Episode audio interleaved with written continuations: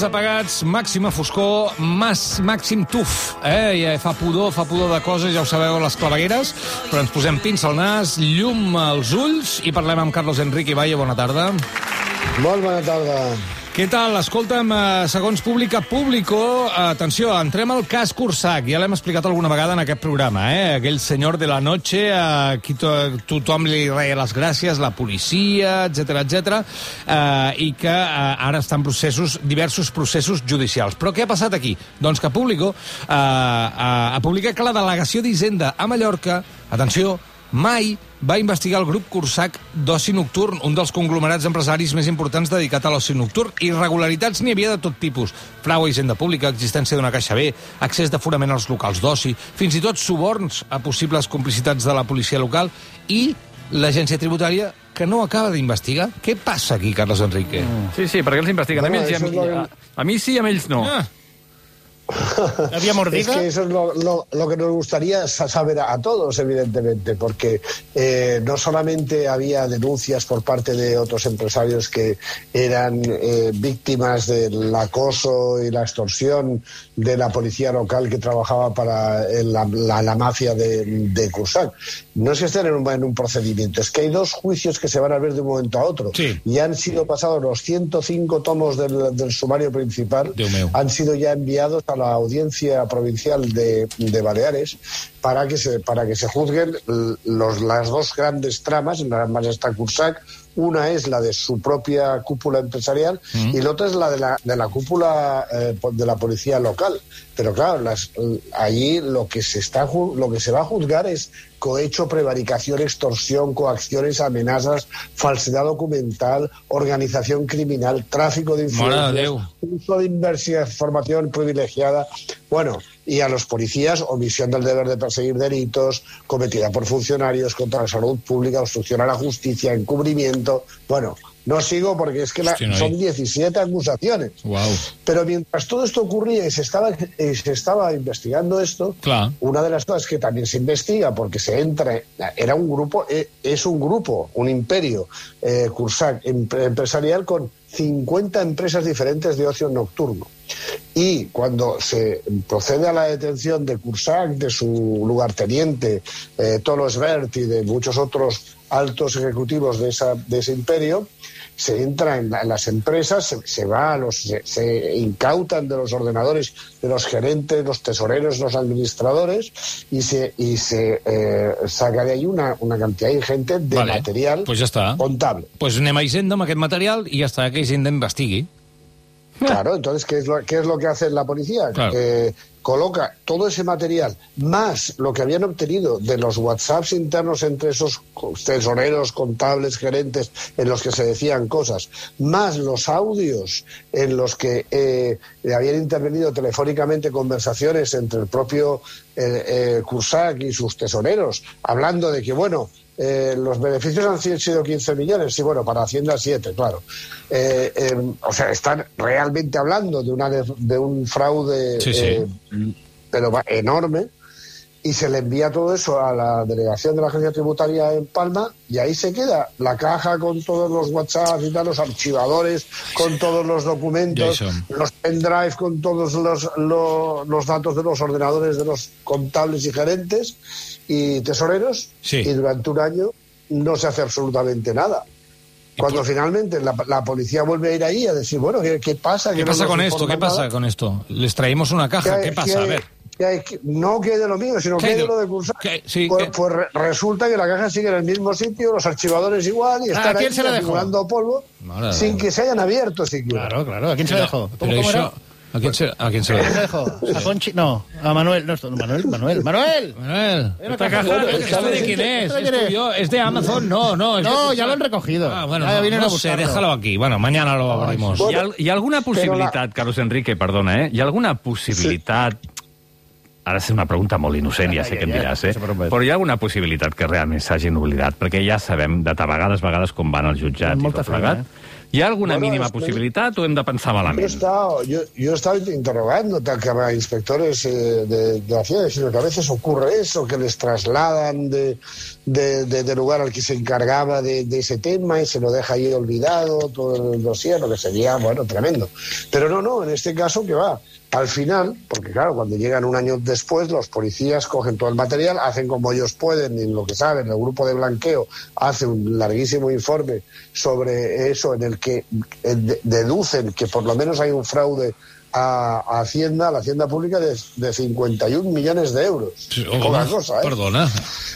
Poca cosa, ¿eh? Eh, bueno, pues eh, hacen ese atestado y, eh, y- y con ese atestado vuelven otra vez a, a la agencia tributaria y dicen, bueno, esto es lo que hemos visto nosotros. Y entonces, sí, claro, tienen que responder a ese atestado y hacer un informe, dos inspectores, y los dos inspectores que lo hacen, por cierto, inspectores de larguísimo re- recorrido, inspectores nombrados a dedo, inspectores jefe por el gobierno de Aznar, o sea, ya eh, nombrados en el año 93 o, no, o 95. Entonces, eh, hacer un, una- un informe sobre el atestado policial de 400 páginas en el que en 50 folios dicen que ahí no ven nada, que allí no pasa nada, que todo lo que ven son eh, cosas No bastante riguis, poco no riguis, no fundadas, riguis, que, que bueno, que vamos, que, que peligros a la mar, que aquí, que aquí eh, hay algún error, alguna cosa rara, pero bueno, pero, pero poco más. Y devuelven eso al, al juzgado. Un, un informe en el que hemos estado analizando, bueno, yo lo he estado analizando con eh, el público, con, con expertos eh, fiscales, Sí, ¿y qué dicen los judiciales, expertos? policiales. Bueno, pero es que además se ha hecho un informe pericial de una perito judicial eh, registrada oficial Sí. en el que en ese en ese eh, informe se dice que bueno que primero ¿Por qué, por qué no, no se empezó a realizar eh, ningún tipo de, de investigación durante un año?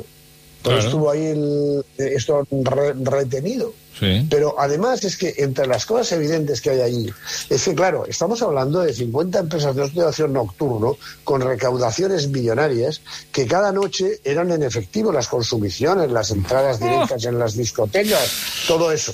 Todo eso en efectivo, ¿quién se lo llevaba? Prosegur. Y en- entre, los, entre los datos que están en los informes enviados a la agencia tributaria, Prosegur dice que realizaban todos los ingresos en las cuentas bancarias de las sociedades del Grupo Cursac, pero que en las declaraciones de Hacienda no se reflejaban esas cifras. Entonces, eh, eh, pues, si no cuadraban las cifras, ¿por qué la agencia tributaria no, no lo investiga?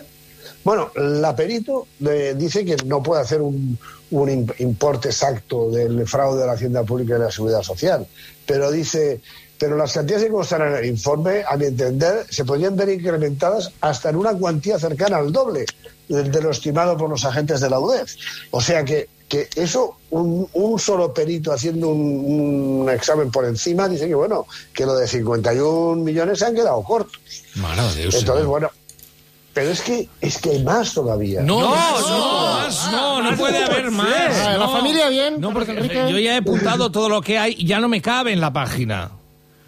Bueno, es que resulta claro, que eh, al porque es que principio de la investigación se hizo un equipo conjunto de la agencia tributaria con el grupo de blanqueo de la UDEF, Vale. en donde había un inspector de Hacienda y un técnico de Hacienda que participaban de eh, las, las primeras averiguaciones.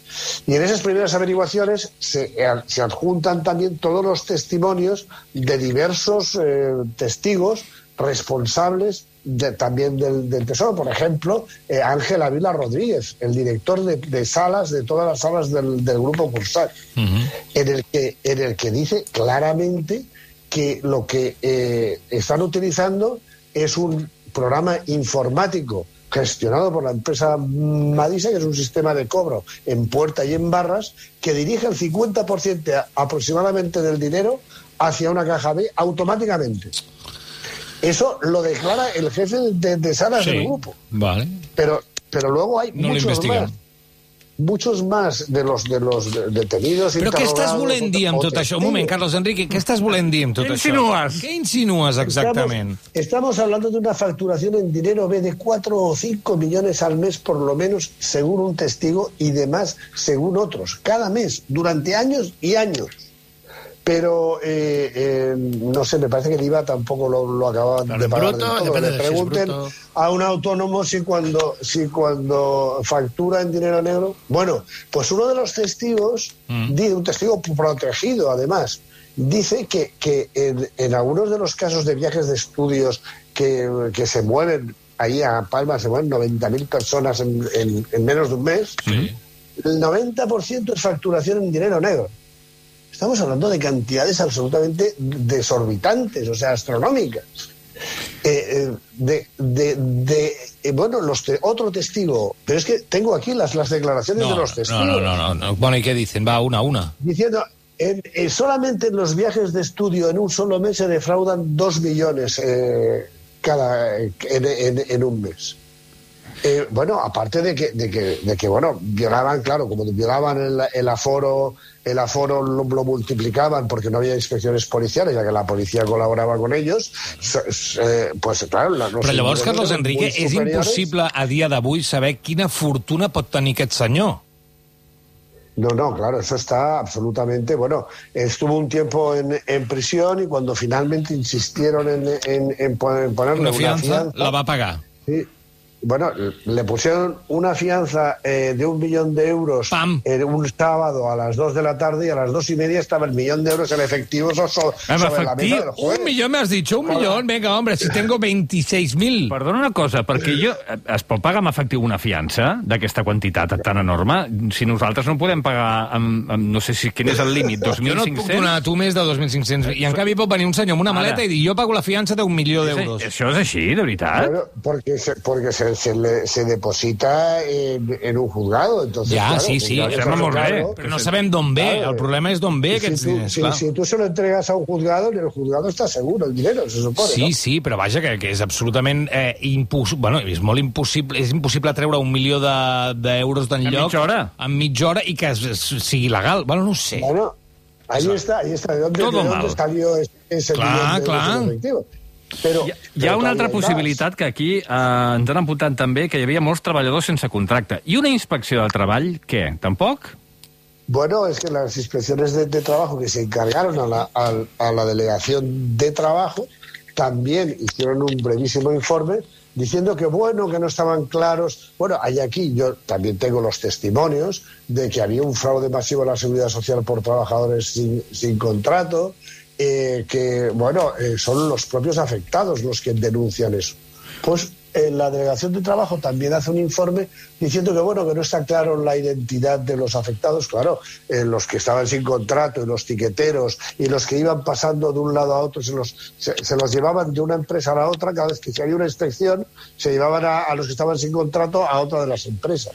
Entonces pues dice las dice la, la inspección de, de trabajo que claro que en este plan pues que es difícil saberlo no con lo cual mejor Oi, clar, no lo miramos. ¿no? Mare de Déu, senyor, tot el que envolta el cas Cursac eh, realment eh, és terrible, eh? perquè tothom eh, que, clar, intenta perseguir-los d'alguna manera, sembla que potser no tenen tant d'interès en perseguir-los, i aquí estic llançant jo aquí una sospita, però clar, Oh, clar. la policia, una mica amic. no tinc molta pressa, la fiscalia, no, no tinc molta pressa, Hisenda, no, no, jo no he vist nada. A veure, Carlos Enrique, com funciona això? A veure, si jo tinc moltes No influències a llocs adequats, ningú em mira mai res o, co- o què passa? Bueno, es que claro, al mismo tiempo hay que tener en cuenta que hubo, eh, se, se interceptaron muchas mu- muchas conversaciones de- del, del propio, como decía yo antes, Cursá con su director económico, Miguel Pérez Marsá, ¿no? En el que Mar, Mar- Marsá decía, íbamos a ganar 14 millones este año, pero fiscalmente hemos ganado 5, ¿sabes? Y cosas por el estilo, directamente. O sea, está el audio, se oye en sus voces diciendo eso. ¿no? Eh, y bueno, el, eh, hablando de que, de que la caja tiene que ser bruta sin quitar el IVA, porque es que si no se nos va mucho dinero del, del, del beneficio. ¿no? coi, i a, i a tothom. Com a tothom, clar. Pero luego hay una conversación mucho mejor, que es la, la última que puse en, el- en la primera de las, de las exclusivas sobre este tema. Y es una en la que habla Cusack con su lugarteniente, Tolo Esber, ¿no? Y entonces están hablando de que, bueno, de que, a ver, a ver, a ver si tenemos ocasión, porque si le das un empujón irá mejor. A ver, si se consigue que un amigo suyo de la inspección de Hacienda haga lo que tenga que hacer, ¿vale? Y eso se le oía a Cusack decírselo a su lugarteniente. Y parece que hizo Es que Chicago años que hacer, 30, ¿no? esto, ¿o ¿qué pasa és Los aquí? Soprano, això. Bueno, bueno, esto, Es que de esto verdad. evidentemente era, eh, era el 25 de mayo de 2016. No, no, No, no, no, sí, no, sí. años 30. Impressionant, Però, impressionant, claro, era sí. Palma de Mallorca, era Palma de Mallorca. Ja, ja. Seguirem molt atentament tot aquest cas. Eh, això, eh, amb aquest punt sempre de... Bueno, era Palma de Mallorca, és territori comanche, allà és una, és una llei a part i cadascú fa una mica el que vol. Uh, Carlos Enrique Bayo, com sempre, al capdavant de la informació de les clavegueres. Una abraçada forta. Una abraçada molt forta. Adéu.